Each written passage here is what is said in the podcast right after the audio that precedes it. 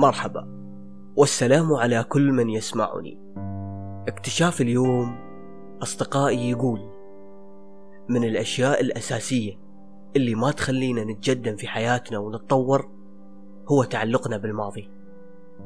التعلق بالماضي قد يكون تعلق بشخص عرفته و... وانقطعت علاقتك فيه أو فقدته.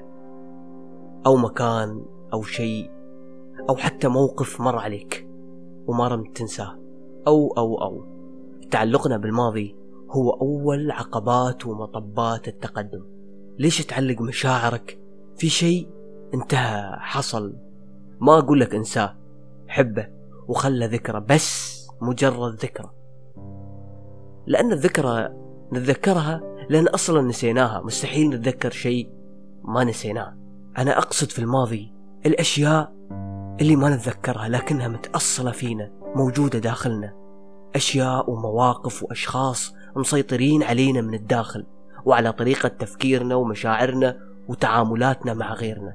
في أغلب الأحيان نحن ما نكون واعيين لوجود هذا الشيء المسيطر علينا من الماضي لأن تعودنا على وجوده. تعودنا على وجوده داخلنا. تعودنا على سيطرته علينا وتحكمه فينا. قطع هاي الحبال ورمي الصخور الثقيلة ضروري. عشان تقدر تكتشف نفسك واللي حولك. في النهاية مجرد رأي. لا تاخذه بجدية. حاول تكتشف بنفسك. السلام عليكم.